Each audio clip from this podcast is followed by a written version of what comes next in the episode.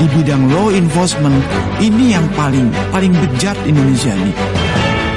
Bisa jadi Allah sedang menguji kita bangsa Indonesia. It is an indictment of every one of us that millions of people are starving in this day and age. Iklim investasinya terus diperbaiki wages Indonesia. Dan mafia-mafia terkait produk pertanian ini harus diperangi secara tuntas. Info-info terkini dari dalam dan luar negeri. Politik, seluruh lintang bukan informasi dari manusia politik, dari komunitas politik itu tidak ada kepastian. Ekonomi, Creating an economic activity yang luar biasa. budaya, Sejarah Indonesia ini harus direvisi ulang. kriminal, criminalize their behavior would be the crime. dan olahraga.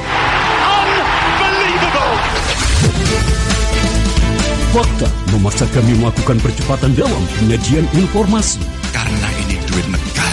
Mau dibawa ke mana negara ini? Negara yang panjang kunjung pasir bir Jumahri Pahlov Cinawi Karto Turarjo. Disuarakan melalui AM 729. Inilah topik berita.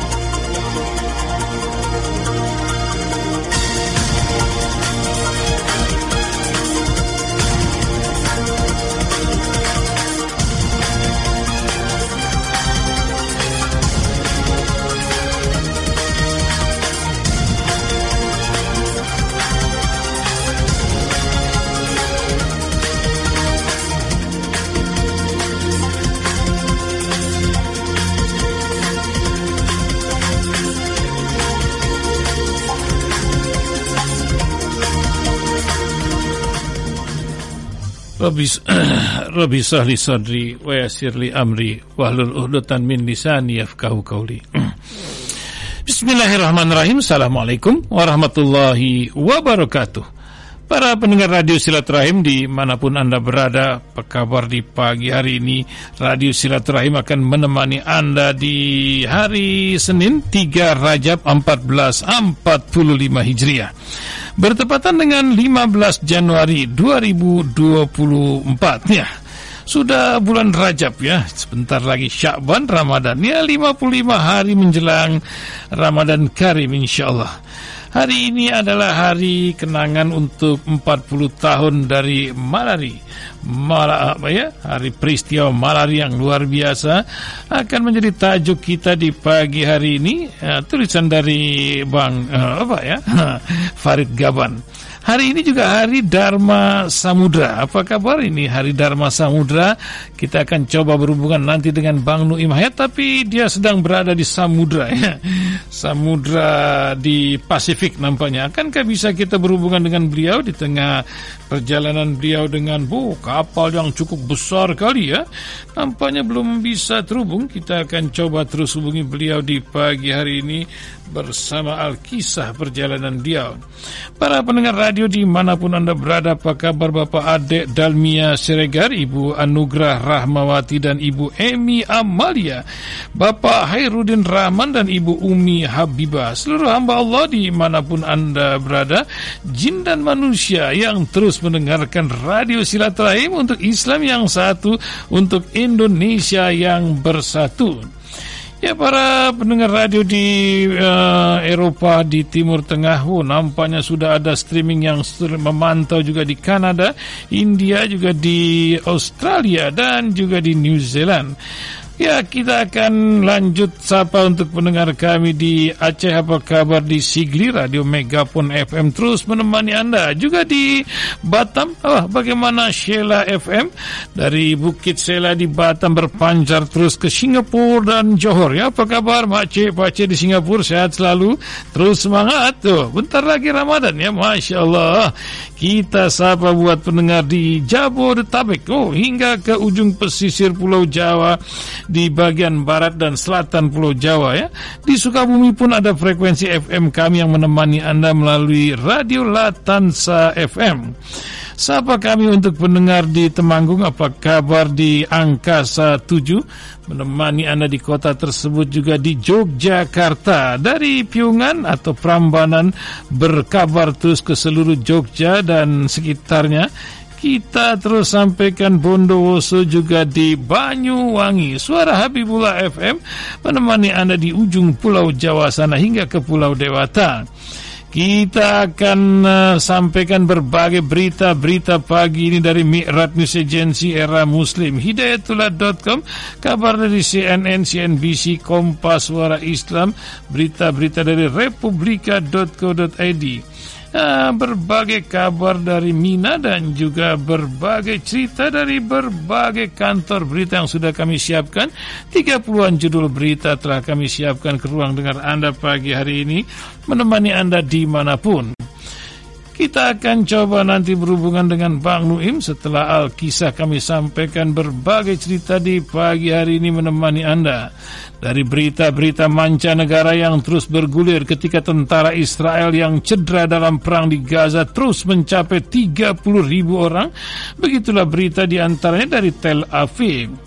Media Israel melaporkan sejak perang di jalur Gaza dimulai, tentara Israel mengalami cedera sejak awal perang diperkirakan meningkat lebih dari 30 ribu personel. Menurut situs berita Ibrani Wala, militer Israel tidak memberikan semua data tentang korban luka kepada publik. Militer Israel khawatir hal itu akan menurunkan moral masyarakat setelah 100 hari perang, sekitar 4 ribu lebih tentaranya cacat, permanen atau menyandang disabilitas, begitu yang dikatakan resmi dari pemerintah di antara 30, 30 ribu personel lebih yang terluka. Sementara kabar terus bergulir serangan Amerika dan Inggris terhadap Houthi di Yaman. Apa yang kita ketahui? Begini Al-Kisah di balik strategi itu.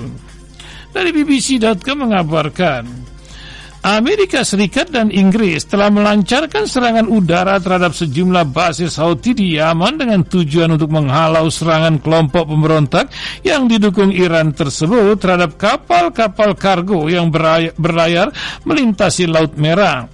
Kelompok Houthi mengatakan mereka tidak tergoyahkan oleh serangan-serangan tersebut, namun Amerika berpendapat bahwa serangan tersebut telah merusak kemampuan militer kelompok pemberontak tersebut. Juru bicara Houthi menyebutkan lima anggotanya terbunuh akibat serangan Amerika dan Inggris, sementara enam orang lainnya terluka. Pentagon menyebut serangan itu tidak menyasar warga sipil, melainkan menyasar target militer dengan senjata presisi Presiden Amerika Joe Biden mengatakan dia tidak akan ragu untuk mengambil tindakan militer lebih lanjut jika diperlukan. Namun Amerika juga telah menegaskan bahwa mereka tidak ingin melihat konflik yang semakin meluas di Timur Tengah. Ya bagaimana kisah satu ini sementara? Kisah Netanyahu masa bodoh soal ICG ya, soal genosida tidak ada yang bisa stop Israel. Begitu judul dari CNN yang mengabarkan di ujung terpun sana. Apakah Bang Nuim telah terhubung? Nampaknya masih belum ya kita sampaikan mengatakan TNI pastikan kerusuhan di Papua Nugini tidak berdampak ke Indonesia. Begitu judul dari Tempo.co baru-baru ini. Kapus Pen TNI Mayor Jenderal Nugraha Gumilar memastikan kerusuhan yang terjadi di Papua Nugini tidak berdampak ke Indonesia. Perbatasan Indonesia Papua Nugini diklaim masih kondusif. Namun begitu, Nugra mengatakan Satgas Pengamanan Perbatasan Indonesia Papua Nugini tetap berjaga di sepanjang perbatasan untuk mengantisipasi dampak kerusuhan tersebut. Satgas Pamtas RI PNG tetap melaksanakan tugas sesuai dengan tugas pokoknya, demikian Nugraha. Ia mengatakan untuk mengantisipasi dampak kerusuhan selain melalui Satgas Pan Tas RI PNG, TNI juga melakukan operasi intelijen yang diterjunkan oleh Kodam setempat. Kodam mengedepankan opsi intel untuk mengantisipasi dampak dari kerusuhan di Papua Nugini demikian Nugraha. Pemerintah Papua Nugini menetapkan darurat nasional selama 14 hari sejak Kamis 11 Januari lalu usai demonstrasi dan penjarahan mengakibatkan 16 orang tewas lebih di Port Moresby. Demonstrasi dan penjarahan itu dipicu atas pemotongan gaji pegawai negeri setempat sebesar 300 kina atau sekitar 1,2 juta. Para pendengar radio di mana pun biasanya Bang Nuim ini Swiss Clock ya tepat waktu. Nampaknya masih belum bisa dihubungi Di pagi hari ini menemani Anda untuk berbincang di pagi hari ini. Para pendengar radio di mana pun kami akan coba berhubungan dengan saudara Fikri di jalur Gaza. Akan dicoba dihubungi oleh saudara Fahri ya. Fikri kalau tidak bisa menghubungi Bang Nuim Para pendengar radio di mana pun terus kami sampaikan berbagai kisahnya.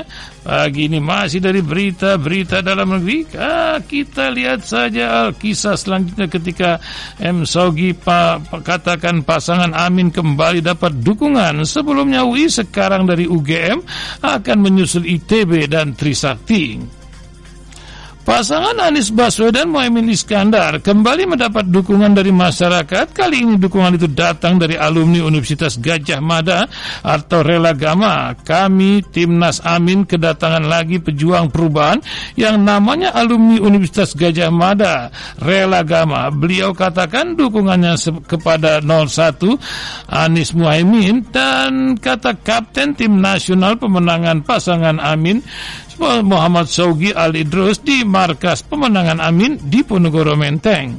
Pada Sabtu lalu Emma Saugi mengatakan dukungan dari Rela Gama sebagai bentuk kekuatan bagi pasangan Anies Muhaimin.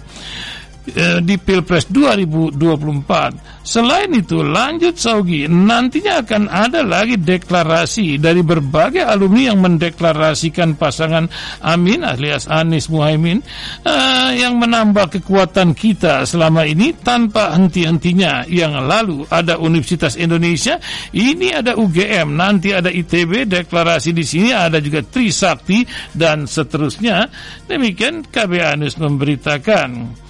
Para pendengar radio di mana pun Anda kami terus sampaikan Al-Kisah e, Sebuah pernikahan besar di Brunei Darussalam. Cing, wah 10 hari berturut-turut Masya Allah. Ya sementara dunia lain lagi Hang Heng Hong Sebuah pernikahan besar Pangeran Abdul Matin dari Brunei Darussalam. Dengan tunangannya Anissa Rosna Memasuki puncak perayaan hari Ahad lalu. Upacara Royal Wedding itu dihadiri oleh pemimpin negara serta tamu berdarah biru mulai dari Asia hingga Timur Tengah. Presiden Republik Indonesia Joko Widodo merupakan salah satu di antara pemimpin negara yang datang di hari terakhir pernikahan Abdul Matin dan Anissa. Perdana Menteri Malaysia Anwar, Isb Anwar Ibrahim, Presiden Filipina Ferdinand Bang Bong Bong Marcos, serta Perdana Menteri Singapura Lee Hsien Loong juga menjadi beberapa pemimpin negara yang mengkonfirmasi datang keluarga kerajaan dari Yordania, Arab Saudi, Uni Emirat Arab dan Bhutan turut masuk dalam daftar 5.000 tamu yang akan hadir. Ini adalah perayaan yang sangat besar, kata pensiunan bangkir Haji Suhaimin Abbas elit Brunei yang menerima undangan ke pernikahan tersebut. Ini merupakan hari ke-10 gelaran perayaan pernikahan Pangeran Abdul Matin dan Anissa. Pangeran Abdul Matin kini resmi melepas status lajang dengan menikahi Anissa, cucu dari salah satu penasihat ayah Matin, Sultan Brunei Asana Bolkiah.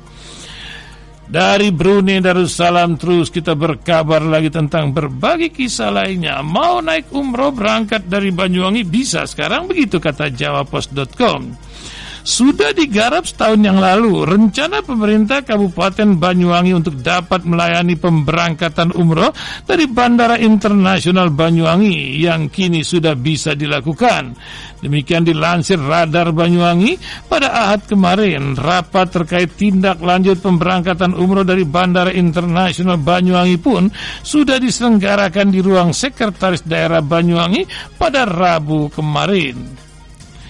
Sementara diberitakan untuk sementara waktu pemberangkatan akan menggunakan skema transit. Artinya, pemberangkatan dari Bandara Internasional Banyuwangi belum bisa terbang langsung dari Banyuwangi menuju Arab Saudi, melainkan harus transit dulu ke Malaysia, Singapura atau Bangkok. Kendati demikian hal tersebut tidak buruk sebab menurutnya skema ini menarik dan memiliki keuntungan tersendiri yakni untuk menarik wisatawan ke Banyuwangi. Ya salam. Ya begitulah berangkat umroh dari ujung pulau Jawa. Terus bergulir alkisah lainnya lagi-lagi kecelakaan kereta. Ini ada apa lagi nih? Jawa Timur. Uh, anjlokkah Kompas memberitakan Perjalanan kereta api Sri, Sri Tanjung relasi Ketapang Banyuwangi tujuan Lempiangan Yogyakarta terhambat usai kereta api Pandalung Pandalungan anjlok di area stasiun Tunggul Angin Sidoarjo eh, pada Ahad kemarin. Sri Tanjung tersebut terpaksa harus memutar arah dengan rute yang lebih panjang dan lama dari yang bisa dilewati sebelumnya.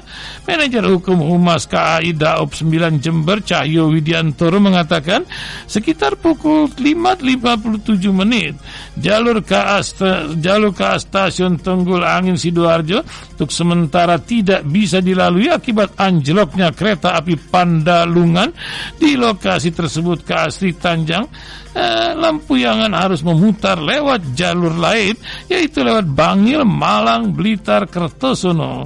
Untuk estimasi proses evakuasi masih belum bisa dipastikan tapi saat ini KAI mengupayakan agar jalur cepatnya bisa segera dilalui.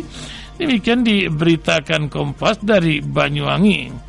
Para pendengar radio di mana pun nampaknya tak dapat dihubungi ya Lagi di atas kapal apa tuh Tadi saya sudah catat itu nama kapalnya apa itu?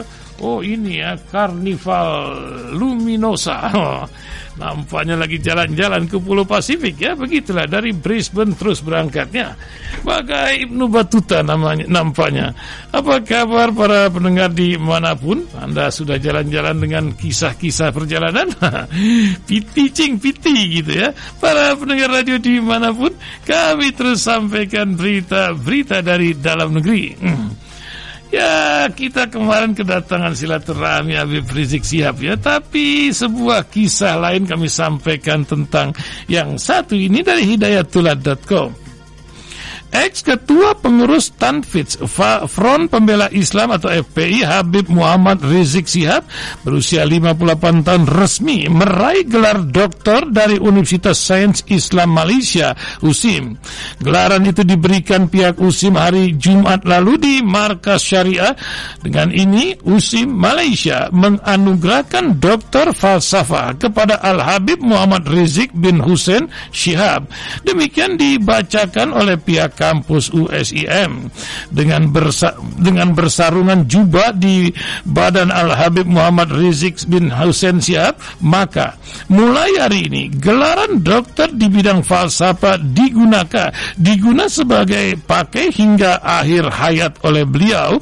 Demikian tambah pembacaan nugra pihak rombongan USIM yang dimuat di channel YouTube Markas Syariah TV menurut laman FPI fakta ini acara penganugerahan dilakukan Kamis malam Jumat saat acara pembacaan Syahih Bukhari di pesantren Markas Syariah sekaligus menyambut datangnya bulan Rajab saat ini tampak diduga C. Anis dan kawan-kawan wakil pihak dari Universitas Malaysia dan dari Kuala Lumpur Malaysia mendadak datang ke Jakarta dan langsung ke markas syariah untuk memakaikan jubah jubah pada uh, jubah PhD sekaligus menyerahkan ijazah doktor kepada Rizik Sihab.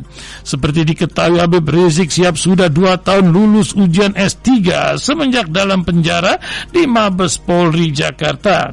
Sayangnya, ia tidak bisa ikut acara wisuda PhD di Malaysia karena masih berstatus pembebasan bersyarat sehingga tidak bisa keluar negeri. Diwakili oleh sahabat baik beliau di Kuala Lumpur yaitu C. Anis Ruhman Khan untuk mengambil ijazah dan jubah wisudanya. Demikian tulis laman tersebut. Ya demikian dokter. Ya sudah dokter Habib Rizik siap. Ya bukan honoris causa ini. Belajar cing. Kita lanjut lagi alkisah berita-berita lain di pagi hari ini. Kami coba berhubungan dengan Gaza. Nampaknya juga jam 2 pagi di sana ya belum terhubung ya. Kami masih coba berhubungan dengan Bang Nuim Hayat atas berita-berita yang berseliweran pagi ini Sementara Bali PSI banjir dengan berbagai daerah, Rocky Gerung menduga ini. Demikian judul yang ditempel oleh eh, oleh, oleh era muslim.com pagi ini. Di pemilu 2024, Partai Solidaritas Indonesia atau PSI dikendalikan langsung oleh Presiden Joko Widodo agar dapat lolos ke Senayan. Pengamat politik Rocky Gerung mengatakan masyarakat saat ini menganggap Presiden Jokowi merupakan pensuplai dana un utama untuk PSI termasuk mengontrol aparat bergerak menjalankan mesin politik partai yang digawangi putra bungsu Jokowi Kaisang Pangarap Arab itu. Pokoknya bagi Jokowi outputnya dia harus kontrol. Orang mulai curiga lagi. Kok bisa ya di daerah yang nggak ada PSI tiba-tiba bisa ada baliho PSI aparat bekerja pasti itu kata Rocky. Di sisi lain, Rocky menilai sinyal buruk terkait dengan pernyataan Kapolri Jenderal Listio Sigit Prabowo tentang estafet kepemimpinan dalam pemilihan umum 2024. Mungkin dari bawah sadarnya. Pak Sigit mengucapkan itu tapi bagi orang yang tahu dan mengamati politik dari dekat itu langsung dihubungkan dengan kejadian-kejadian yang aneh. Pemasangan dukungan baliho PSI, demikian dikatakan Rocky.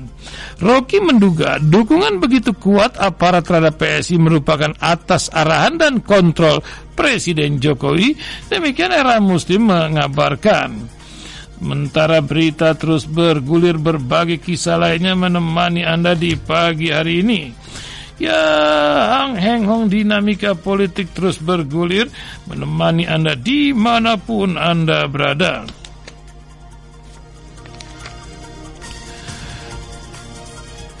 Prioritas persoalan pertanian, Anies akan bentuk tim khusus untuk tata niaga pangan, demikian KBA mengatakan dari Apung Timur. Calon Presiden Anies Baswedan berdiskusi dan menggelar rembuk bersama gabungan kelompok tani di Lampung Ahad 14 Januari lalu. Dalam paparannya Anies menjelaskan tentang prioritas penanganan problem pangan dengan membentuk tim khusus yang akan mengurus tata niaga pangan. Persoalan pangan adalah prioritas utama yang kita ingin selesaikan. Dalam 100 hari pertama, kita akan membentuk tim khusus untuk mengubah tata niaga, memastikan bahwa kebutuhan pokok dan komoditas-komoditas utama terjadi perubahan, khususnya pada aspek harga. Demikian ujar Anies. Lampung ini adalah salah satu sentra produksi pertanian kita. Begitu banyak komoditas pertanian dihasilkan dari Lampung, demikian demikian ucapnya. Menurut Anies ketika dialog dengan para petani, mereka menyampaikan aspirasi-aspirasi persoalan mendasar. Satu adalah persoalan pupuk, juga kita temukan di tempat-tempat yang lain. Kedua adalah menyambungkan ke pasar-pasar untuk hasil produksi mereka, ujar beliau. Ini adalah pasar yang makin hari makin besar, tetapi belum ada pembinaan yang serius.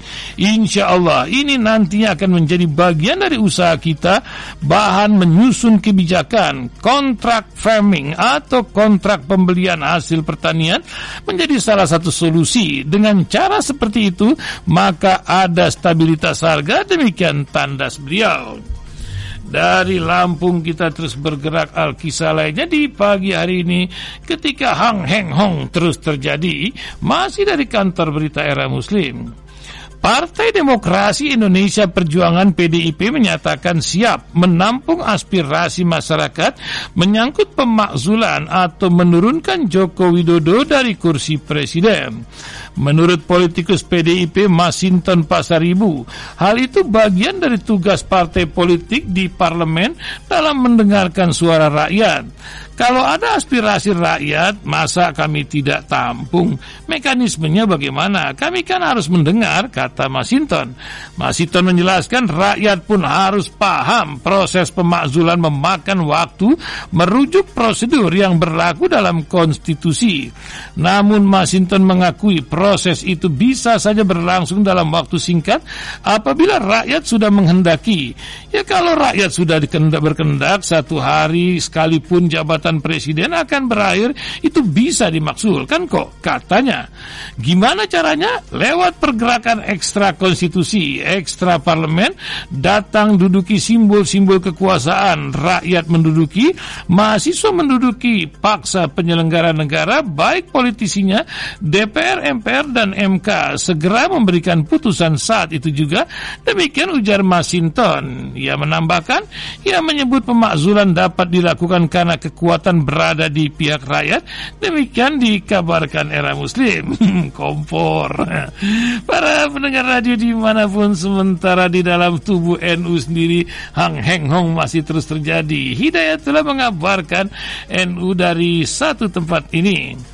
Pengurus besar Nahdlatul Ulama mengecam keras tindakan Rusli Ahmad karena masih membuat melakukan surat melakukan surat dengan kop surat dan stempel palsu dengan mengatasnamakan Ketua Pengurus Wilayah Nahdlatul Ulama Riau untuk deklarasi dukungan kepada pasangan calon presiden dan calon wakil presiden Prabowo Gibran.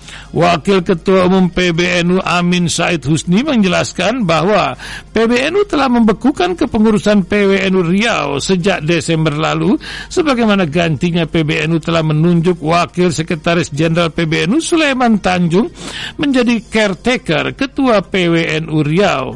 Menunjuk Sulaiman sebagai sesu Sulaiman sesuai dengan keputusan rapat harian Surya dan Tanfizia pada 16 Desember 2023 belum lama ini Rusli Ahmad membuat surat undangan dengan stempel dan kop surat palsu pada 7 Januari 2024. Surat itu hanya ditandatangani Rusli. Dalam hal itu Rusli mengundang pengurus PWNU Riau dan KNU untuk hadir dalam acara deklarasi dukungan pasangan calon presiden dan calon wakil presiden Prabowo Gibran.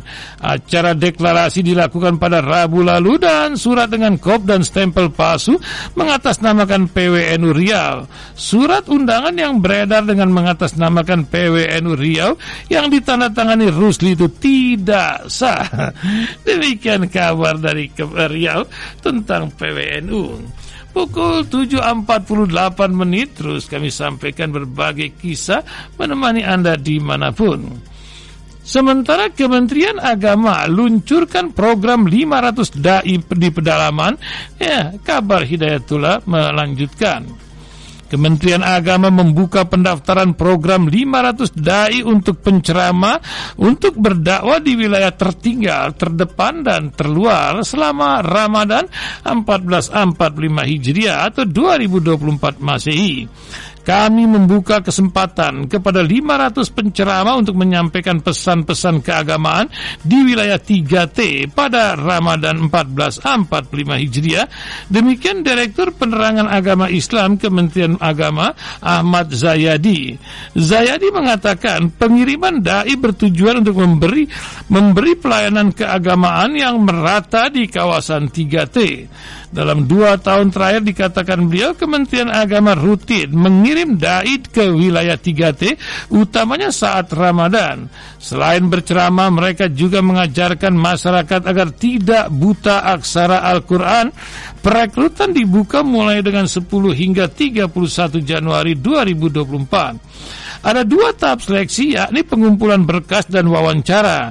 Untuk mendaftar calon dai 3T dapat mengisi formulir melalui form dai wilayah 3T 2024 para dai yang terpilih dan dikirim ke wilayah 3T selama Ramadan mereka akan mendapatkan insentif transportasi, akomodasi dan sertifikat.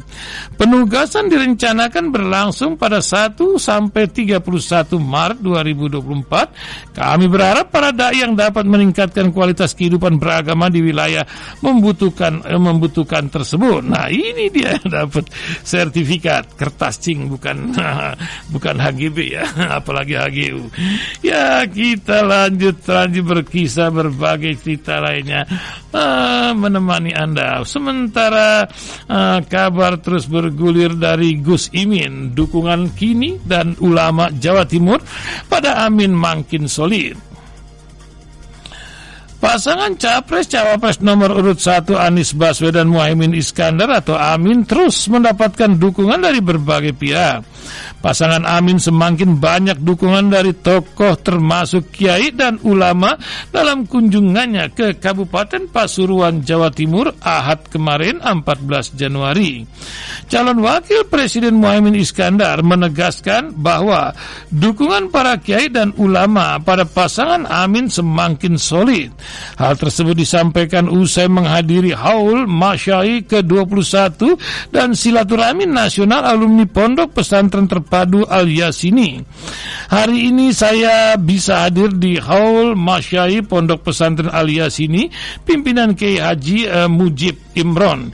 Ini sungguh potensi pendidikannya yang sangat bagus, masyarakat dan kekuatan santri di Pasuruan ini sangat besar. Demikian Gus Imin, sehingga Pasuruan ini menjadi harapan untuk kemenangan Amin dan insya Allah Amin menang di Pasuruan dan Jawa Timur. Demikian ungkap beliau dari Pasuruan kita terus bergerak ke berbagai tempat lainnya. Oh, jalan-jalan kita ke wilayah uh, lain. Oh, ini wilayah sensitif pula ini ya. CNN mengabarkan tentang Faisal Basri, Basri yang serukan bujuk menteri-menteri Jokowi mundur menjadi kabar lain di pagi ini.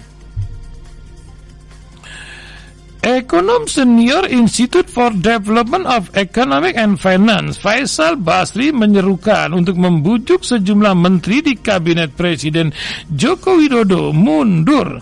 Hal itu tidak terlepas dari kekecewaan terhadap kebijakan pemerintahan Jokowi yang dianggap merugikan masyarakat serta dugaan keberpihakannya pada pasangan calon nomor urut 2 Prabowo Subianto dan Gibran Raka Buming. Raka pada Pilpres 2020 2024. Salah satu yang disorot oleh Faisal adalah masalah hutang. Menurut Faisal, di bawah Jokowi hutang Indonesia sudah menembus sekitar 8 kuadriliun rupiah atau 8 ribu triliun rupiah. Pasalnya, pemerintah membangun banyak hal tanpa mau kerja keras meningkatkan pendapatan. Ia memperkirakan apabila dilanjutkan Prabowo, hutang Republik Indonesia bisa bengkak menjadi dua kali lipat alias 16 triliun 16 ribu triliun. Hutang-hutang tersebut akan ditanggung oleh generasi muda. Ayo sama-sama kita bujuk Ibu Sri Mulyani Menteri Keuangan dan Pak Basuki Menteri PUPR Basuki Basuki Hadi Mulyono dan beberapa menteri lagi untuk mundur. Itu efeknya dahsyat. Secara moral, saya dengar Bu Sri Mulyani paling siap untuk mundur. Pramono Anung atau Sekretaris Kabinet sudah gagap dan PDIP belain Jokowi terus pusing klaim Faisal klaim Faisal tersebut. Demikian seperti diterahkan dalam CNN Indonesia. Para pendengar kita lanjut lagi Alkisah mantan Panglima TNI. Masih ingat Jenderal Purnawirawan Gatot Nurmantio merasa miris membaca hasil survei yang dilakukan oleh pemuda ICMI Pusat yang menyatakan bahwa pemilihan umum 2024 dipastikan curang. Kecurangan ini akan berdampak sangat serius yakni disintegrasi bangsa. Dalam laporan survei yang berjudul Pemilu Curang dan Ancaman Disintegritas Bangsa disebutkan sebanyak 85,2 persen responden setuju memisahkan diri dari NKRI jika pemilu curang. 6,7 persen tidak setuju dan 8,1 persen agak setuju. Dengan demikian hasil survei ini menunjukkan adanya tingkat kekhawatiran dan ketidakpuasan tinggal di kalangan ketidakpuasan tinggi di kawasan di kawas di kalangan masyarakat terhadap pelaksanaan pemilu yang curang. Demikian dikatakan Wakil Ketua Umum Organisasi dan Kaderisasi Pemuda ICMI Pusat Muharam Namlea. Muharam mengatakan bahwa survei dilakukan dengan melibatkan 2.400 responden di wilayah Sumatera, di mana sebanyak 85,2 persen percaya bahwa pemilu curang. Jika terbukti curang, dikatakan Muharam, masyarakat Sumatera sepakat untuk memisahkan diri dari Indonesia. Gatot menegaskan bahwa apa yang ditemukan oleh pemuda ICMI tersebut merupakan peringatan serius bagi pemerintah Indonesia. Ini satu peringatan. Jangan main-main dengan kondisi ini. Bagi siapa pun yang tidak mengindahkan peringatan ini, maka dia membiarkan kehancuran. Demikian dikatakan Gatot dalam diskusi publik yang berjudul Selamatkan Pemilu yang Demokratis pada Sabtu lalu di Jakarta. Uh, sampai begitu ya. Ya, kisah terus bergulir eh, mengabarkan berbagai cerita lainnya. Masih dari berita-berita dalam negeri, terus kami sampaikan ke ruang dengar Anda. Kali ini KB Anus memberitakan orang yang sering mengumpat melontarkan kata-kata kotor pada saat yang sama biasa berjoget dan sering menunjukkan emosi meledak-ledak tidak terkendali dicurigai mempunyai penyakit kejiwaan yang disebut dengan sindrom kepribadian ganda pengamat politik dan pegiat demokrasi yang juga aktivis pergerakan reformasi 98 Andrianto Andri menyatakan hal tersebut kepada KB Anus Ahad kemarin. Saya merasa ungkapan kasar dari Capres Prabowo Subianto menunjukkan watak aslinya seorang yang mengalami disorientasi penderitaan kepribadian ganda. Diduga dia mengalami masalah psikologis yang juga dikenal dengan nama diso, dis, dissociative identity disorder atau DID. Ini diduga dapat memicu ketidakstabilan emosi. Itu baru berupa analisis atas tindakan destruktif yang dia lakukan. Untuk membuktikan hal itu dia mesti dibawa ke rumah sakit untuk diperiksa keseimbangan jiwanya. Andri berkeyakinan rakyat akan kembali rasionalitasnya yang tidak akan pilih capres bermasalah secara kejiwaan. Untuk melanjutkan kebobrokan dan kehancuran negara karena salah urus dan KKN yang terjadi di seluruh jenjang pemerintahan, demikian KB Anus mengabarkan. Para pendengar radio di mana pun Anda sementara gimana urusan ancam mengancam nasi dari KBA memberitakan Juru bicara tim nasional pemenangan Anies Muhaimin Iskandar Iwan Tarigan berterima kasih atas langkah kepolisian Republik Indonesia yang telah menindak terduga pengancaman pembunuhan terhadap Anies Baswedan. Kami dari Timnas Amin Muhaimin eh, Anies Muhaimin mengucapkan terima kasih dan penghargaan setinggi-tingginya kepada Kepolisian Republik Indonesia terutama kepada personel Subdit Cyber Diskrimsus Polda Jawa Timur yang di backup oleh Direktur Cyber Bareskrim yang telah melakukan penegakan hukum kepada pelaku di Jawa Timur demikian ujar Iwan Tarigan. Iwan juga mengapresiasi Polri yang memberikan himbauan agar seluruh masyarakat menjaga keamanan menjelang pemilihan umum 2024. Sebagai informasi, tim gabungan dari Direktorat Tindak Pidana Cyber Bareskrim Mabes Polri bekerja sama dengan Polda Jawa Timur telah menangkap terduga pelaku yang mengancam akan menembak calon presiden nomor urut 1 Anies Baswedan di Jember Sabtu lalu. Saat ini polisi masih mendalami motif pelaku berinisiatif berinisial AWK berusia 23 tahun menyampaikan ancaman melalui media sosial tersebut. Mudah-mudahan gak sakit jiwa ya. Para pendengar radio di mana pun Anda, kami terus sampaikan berbagai kisah lainnya sementara di lembar-lembar koran media Indonesia, kami terus bacakan hang heng hong yang terjadi di hari-hari ini. Sementara oposisi Presiden Joko Widodo di pemilu 2024 terus dipersoalkan. Pakar hukum tata negara Ferry Amsari menyebutkan klaim Jokowi bahwa dirinya netral adalah konyol dan tidak diterima logika. Menurut Ferry, dalam diskusi virtual cross-check Metro TV News bertajuk geger isu pemakzulan jelang coblosan kemarin, ucapan Jokowi tersebut tidak berbanding lurus dengan fakta. Demikian, kalau Presiden bilang netral, itu tidak diterima logika karena yang bertarung anaknya Gibran Rangka Buming, demikian tegasnya. Ferry mengatakan ketidaknetralan Jokowi juga diperlihatkan dengan an aneka kebijakan dan putusan peradilan yang paling kentara yaitu putusan Mahkamah Konstitusi nomor 90 soal syarat calon presiden dan wakil presiden pangkal masalahnya. Presiden menunjukkan keberpihakan dengan dan dengan cara-cara yang tidak benar. Demikian lembar-lembar berita pagi ini Ya lain lagi kabar tentang praktek politik tebar ketakutan, ancam demokrasi, sementara publik mesti diajak untuk memilih pemimpin yang siap berdemok berdemokrasi, bukan yang selalu gagal mengontrol emosi. Judul lain yang ditempel kantor berita yang satu ini. Gaya ke kampanye salah satu kandidat presiden yang kerap dilakukan dengan emosional disertai ungkapan marah dan hujatan seperti goblok, ndasmu hingga tolol disebut-sebut turut memprovokasi pendukung menjadi emosional dan tidak rasional serta memicu fanatisme. Munculnya ancaman intimidasi, teror yang bahkan dilakukan masyarakat kepada politikus atau capres kubu lawan seperti yang dialami Anies Baswedan baru-baru ini ditenggarai berkaitan dengan erat dengan narasi-narasi bernuansa kekerasan yang dilontarkan para elit. Pengajar Sekolah Tinggi Hukum in, Hukum Indonesia Jentera Bivitri Susanti menyebutkan fenomena itu sebagai titik keti, titik ketika politik menebar ketakutan atau political of fear mulai bekerja.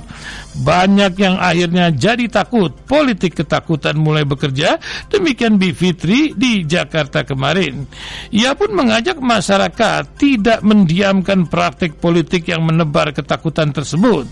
Dalam konteks pemilu, lanjutnya, publik dapat melaporkan adanya dugaan kecurangan, ancaman maupun intimidasi. Demikian diberitakan baru-baru lalu.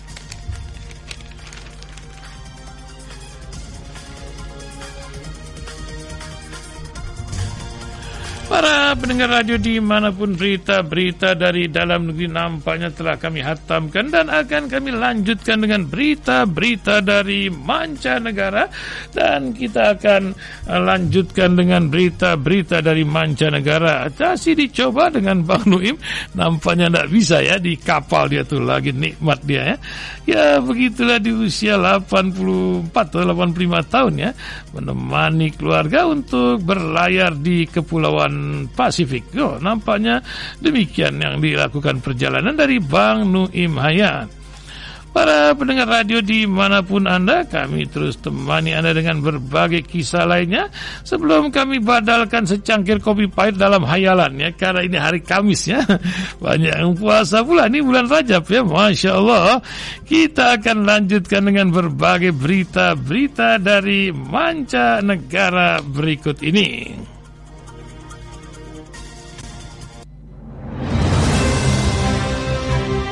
Dan kini kita simak info-info luar negeri.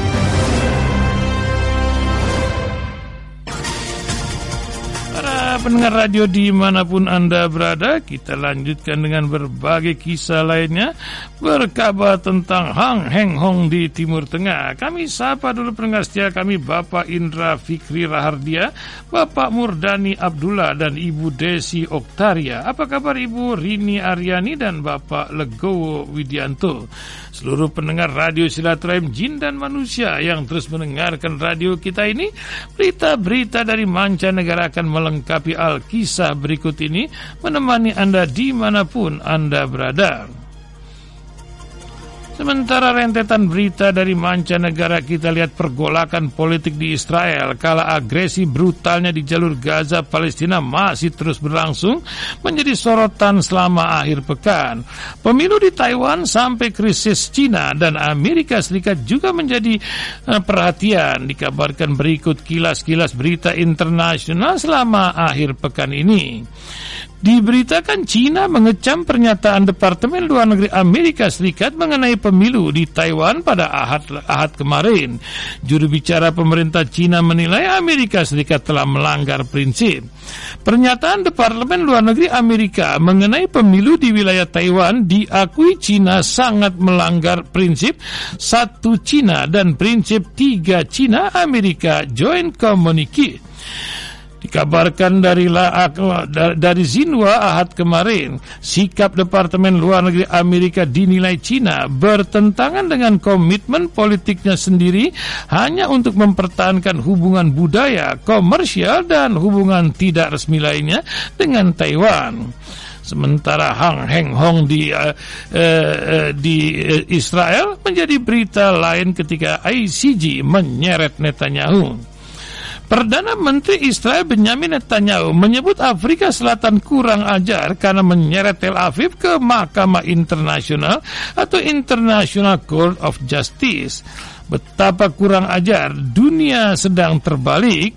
Demikian kata Netanyahu mengumpat dalam konferensi pers seperti dikutip laman resmi pemerintah Israel Kamis lalu. Netanyahu marah setelah Afrika Selatan melayangkan gugatan ke ICJ atas dugaan genosida yang dilakukan Israel terhadap warga Gaza. Ya begitulah Alkisah bergulir terus Hang Heng Hong di dalam Israel sendiri. Ketika jalan utama di Tel Aviv Israel ditutup oleh ribuan warga yang melakukan unjuk rasa menuntut Perdana Menteri Benjamin Netanyahu mundur dari jabatannya pada akhir pekan lalu. Para pendemo di Tel Aviv juga mendesak pembebasan tahanan Israel dari jalur Gaza secepatnya. Pengunjuk rasa yang menyerukan pembubaran pemerintah Israel yang dipimpin oleh Benjamin Netanyahu dan membebaskan Sandra dari Gaza menutup jalan Ayalon sebagai bagian dari aksi protes mereka. Demikian laporan dari TV Suasa Channel 12 di kabaran Anadolu Agency baru-baru lalu. Para pendengar radio di mana pun Anda berada bagaimana serangan ke Yaman dapat komentar dari berbagai negara lainnya. Di antaranya adalah Perdana Menteri sekaligus putra mahkota Arab Saudi MBS lantang bersuara soal Amerika Serikat dan Inggris menyerang milisi Houthi di Yaman. Melalui pernyataan resminya, Pangeran MBS itu mengutarakan kekhawatirannya atas eskalasi konflik yang meningkat di Laut Merah. Meskipun kerajaan Saudi menekankan pentingnya menjaga keamanan dan stabilitas kawasan Laut Merah, di mana kebebasan navigasi merupakan tuntutan internasional karena merugikan kepentingan seluruh dunia. Kerajaan Saudi menyerukan semua pihak menahan diri dan menghindari eskalasi sehubungan dengan peristiwa yang sedang terjadi di kawasan ini. Demikian bunyi pernyataan Saudi seperti dikutip CNN baru-baru lalu. Ya begitulah Alkisah dari Alkisah mancanegara terus bergulir menemani Anda Para pendengar radio di mana pun Al-Qasam umumkan hilang kontak dengan penanggung jawab tahanan Israel sejak yang sejak 2014. Wow, tahanan ini berseri rupanya. Begitulah kisah yang satu ini disampaikan dari Gaza, Mi'rat News Agency. Brigade Al-Qassam, sayap militer gerakan Hamas Palestina, mengumumkan telah kehilangan kontak dengan orang yang bertanggung jawab atas empat tahanan Israel yang ditangkapnya di jalur Gaza sejak 2014. Brigade Al-Qassam menerbitkan klip video dalam tiga bahasa dengan judul Waktunya Hampir Habis. Empat tentara Israel yang ditangkap di Gaza sejak 2014 adalah Alon Hadar, Saul Alon, Magnesto dan Umar. Al-Qasam mengatakan pemerintah Netanyahu telah mengabaikan mereka sejak tahun 2014 dan tidak mengembalikan mereka. Sayangnya kontak dengan sel tersebut terputus. Dari Hang Heng Hong jalur Gaza terus bergulir berbagai kisah lainnya menemani Anda di mana pun Anda berada. Para pendengar radio di mana pun Anda kita lanjut lagi Alkisah uh, bergulir pagi ini. Oh ya, berita-berita pada hari Senin ini terus menemani Anda di mana pun Anda berada. Uh, uh, tentang Alkisah uh, hujan lebat banjir tempat penampungan pengungsi di Gaza terus bermasalah dari jalur Gaza disampaikan Mi'rat News Agency Puluhan tempat penampungan yang menampung ribuan keluarga pengungsi di wilayah utara dan selatan jalur Gaza terendam air hujan bercampur dengan limbah selama beberapa jam. Akibat curahan hujan yang deras kemarin, di jalur Gaza utara beberapa tempat penampungan yang menampung ribuan pengungsi di Jabalia, Beit Hanum, dan Beit Lahia terendam akibat hujan lebat selama beberapa jam terakhir. Tempat penampungan penampungan di kota Gaza telah kebanjiran. Air hujan memasuki sekolah-sekolah dan men yang menampung keluarga pengungsi di wilayah Rimal, Al-Jema, Universitas Square, daerah Askola, dan lingkungan Al-Zaitun, Suha, Su, Sujaya, Daraj, dan Tufa. Innalillah. Para pendengar radio nampaknya sinyal, sinyal tak terhubung dengan Fikri dari jalur Gaza. Kita lanjut terus Alkisah berbagai cerita lainnya menemani Anda ketika media Israel mengatakan ledakan besar terjadi di dekat kilang minyak Teluk Haifa, sebuah kisah dari roketkah atau apa yang terjadi? Tel Aviv mengabarkan melalui Mi'rat News Agency. Media Israel melaporkan kemarin tentang ledakan besar di Teluk Haifa dan di, yang diduduki dekat kilang minyak. Pernyataan Israel mengenai rincian ledakan tersebut bertentangan. Beberapa media Israel menyatakan bahwa ledakan di kilang-kilang minyak di Teluk Haifa yang diduduki disebabkan oleh kegagalan fungsi dan menyebutnya tidak terkait dengan keamanan. Sebaliknya sumber media Israel lainnya menyatakan bahwa ledakan tersebut disebabkan oleh serangan rudal. Pada saat yang sama, pakar urusan Israel Feres Yagi menyatakan tampaknya ada insiden keamanan di Teluk Haifa yang diduduki dengan adanya pembicaraan di dalam Israel tentang kemungkinan adanya serangan rudal di Haifa. Dari Haifa terus kita bergulir ke berbagai tempat lainnya. Houthi Yaman akan lanjutkan aksi militer melawan Israel dan memblokade kapal-kapalnya. Demikian dari San'a mengabarkan. Kelompok Houthi di Yaman menegaskan mereka akan melanjutkan tindakan militer terhadap Israel dan mencegah kapal-kapalnya melewati Laut Merah.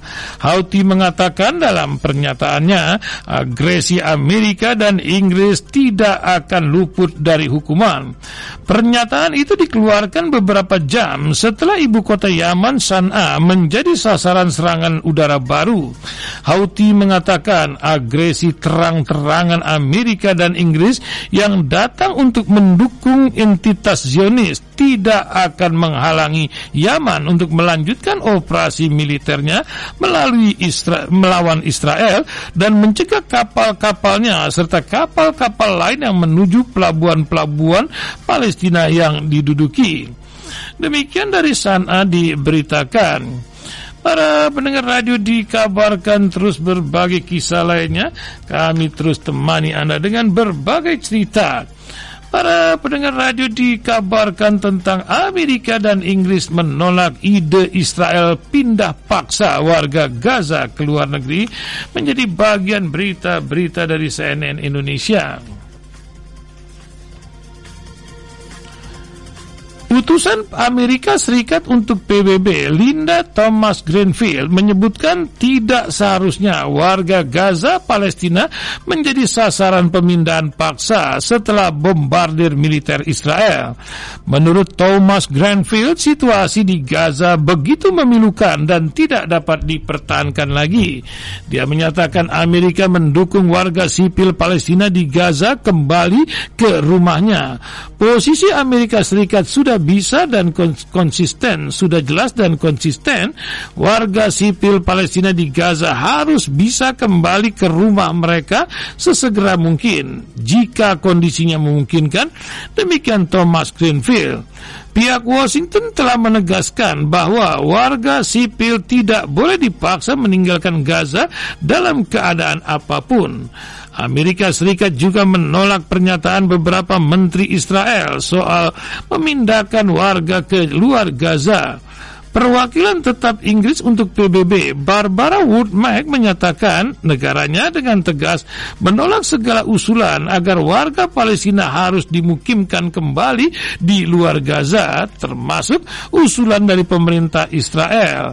Woodmack juga mendorong Israel untuk segera menghentikan semua aktivitas pemukiman di wilayah pendudukan Palestina. Demikian diberitakan CNN Indonesia. ini ini dia ngadepin yang satu ini ini ya. Ya sementara kabar terus bergulir apa kabar ketika Netanyahu masa bodoh ICG soal genosida demikianlah kisah makhluk yang satu ini. Perdana Menteri Israel Benjamin Netanyahu masa bodoh terhadap sidang Mahkamah Internasional alias International Court of Justice alias ICJ terkait dengan genosida yang dilakukan negaranya terhadap warga Palestina di Gaza. Netanyahu menyebut badan peradilan yang berbasis di Den Haag itu sekalipun tidak akan bisa menghentikan operasi militer Israel di Gaza, tidak ada yang akan menghentikan kami, entah itu Den Haag, poros kejahatan atau yang lainnya. Demikian dikatakan beliau dalam konferensi persnya Sabtu lalu. Poros kejahatan yang disebut-sebut Netanyahu merujuk pada kelompok-kelompok dalam poros perlawanan di Libanon, Suria, Irak, dan Yaman. Dalam kesempatan itu Netanyahu juga bersumpah bakal terus melancarkan serangan di Gaza sampai mereka mencapai kemenangan. Netanyahu mengatakan demikian setelah Mahkamah Internasional menggelar dengar pendapat pekan ini terkait dengan gugatan Israel, maaf gugatan Afrika Selatan bahwa Israel telah melakukan genosida di jalur Gaza. Sementara berita-berita terus bergulir pagi ini menemani Anda di mana pun Anda berada. Masih dari berita-berita Timur Tengah, kami terus sampaikan ke ruang dengan Anda. Doa kita untuk jalur Gaza semoga dapat mencapai kemerdekaan. Para pendengar radio di mana pun Anda terus kami sampaikan berbagai kisah lainnya di pagi ini uh, tentang berita-berita dari mancanegara.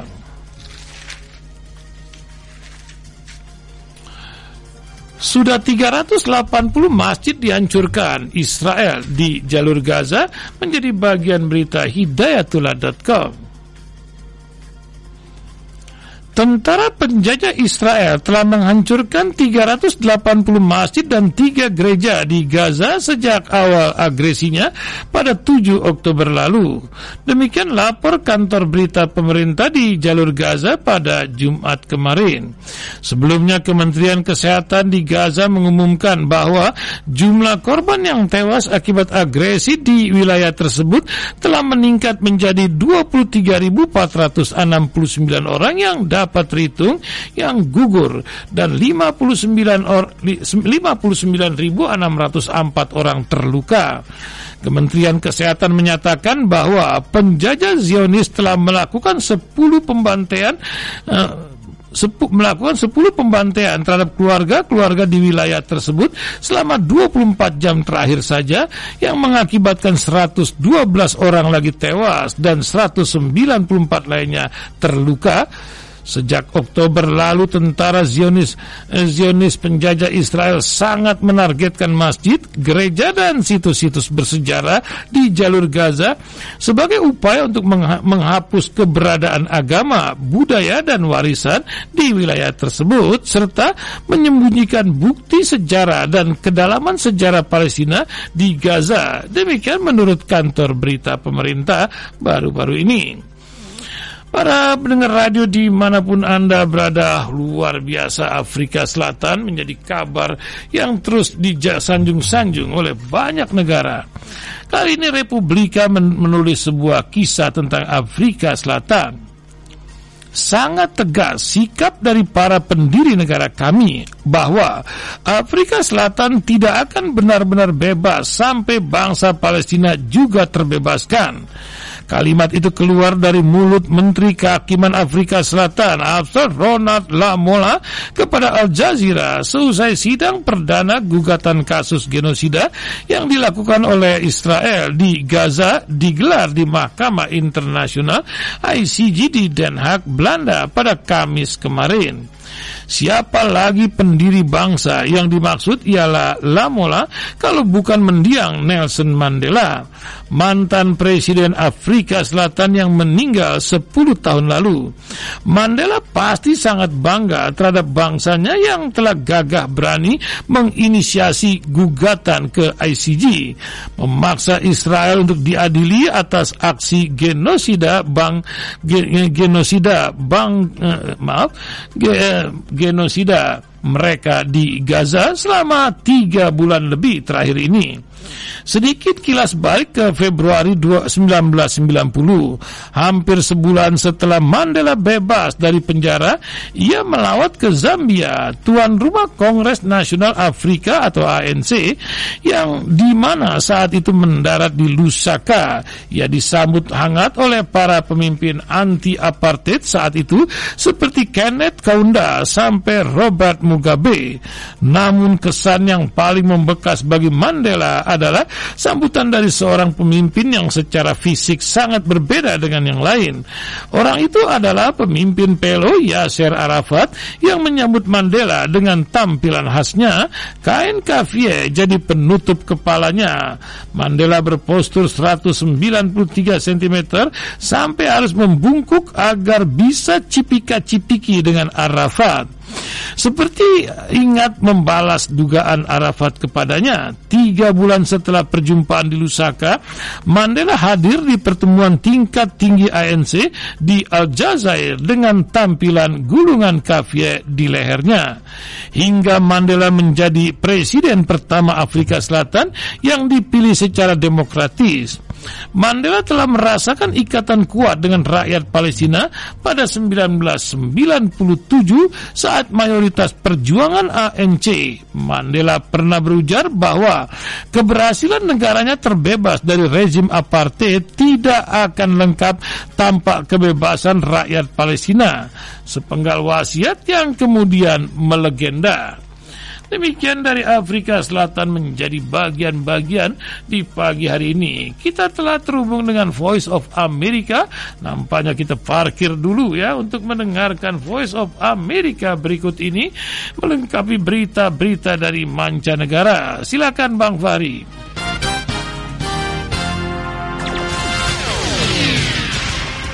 Inilah VOA Headline News, saya Rifan Wiastono.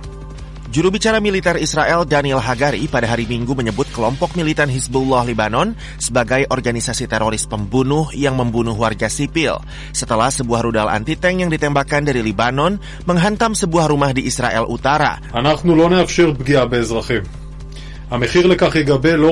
Kami tidak akan membiarkan warga sipil menjadi korban. Harga untuk hal ini tidak hanya akan dibayar saat ini, tapi juga pada masa depan, ujar Hagari.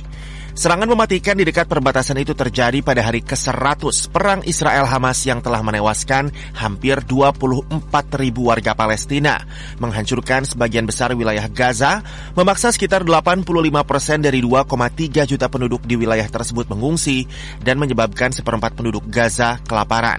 Hagari menambahkan bahwa Israel tidak akan menarik diri dari Khan Yunis atau dari mana pun.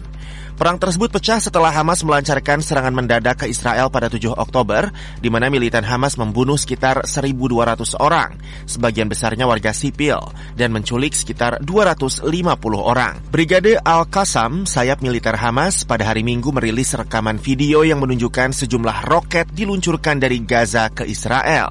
Video itu memperlihatkan sebuah spanduk pada roket bertuliskan 14 Januari, 100 hari pertempuran, Ashdod diserang, dan masih ada lagi. Menurut tentara Israel, sekitar 9.000 roket telah memasuki negara itu dari arah Gaza sejak 7 Oktober. Perang Israel-Hamas kembali pecah setelah Hamas melancarkan serangan dadakan ke Israel Selatan pada 7 Oktober. Sejak saat itu, ketegangan meningkat di kawasan. Hampir setiap hari, Israel baku tembak dengan Hizbullah, sementara beberapa milisi yang didukung Iran menyerang sasaran-sasaran Amerika di Suriah dan Irak. Pengunjuk rasa yang mengadvokasi isu perubahan iklim menyela pidato kampanye Donald Trump di Iowa hari Minggu ketika jajak pendapat menunjukkan bahwa sang mantan presiden berhasil mempertahankan keunggulannya dengan selisih suara yang besar dengan kandidat calon presiden lainnya dari Partai Republik. Ketika Trump berpidato di hadapan masa di Indianola, Iowa, daerah pinggiran kota Des Moines, para pengunjuk rasa mencelanya sambil mengusung poster bertuliskan Trump penjahat iklim. Ini adalah pertama kalinya pidato Trump diinterupsi setelah bertahun-tahun. I did three rallies. Thank you, darling. Thank you. Thank you. That's all right. Go home to mommy. Your mommy's waiting. Kamu telah mengambil jutaan dolar, teriak seorang perempuan memicu penonton yang lain untuk membalasnya dengan seruan Trump, Trump untuk menenggelamkan suaranya. Kembalilah ke ibumu, jawab Trump ketika ia digiring keluar dari ruangan.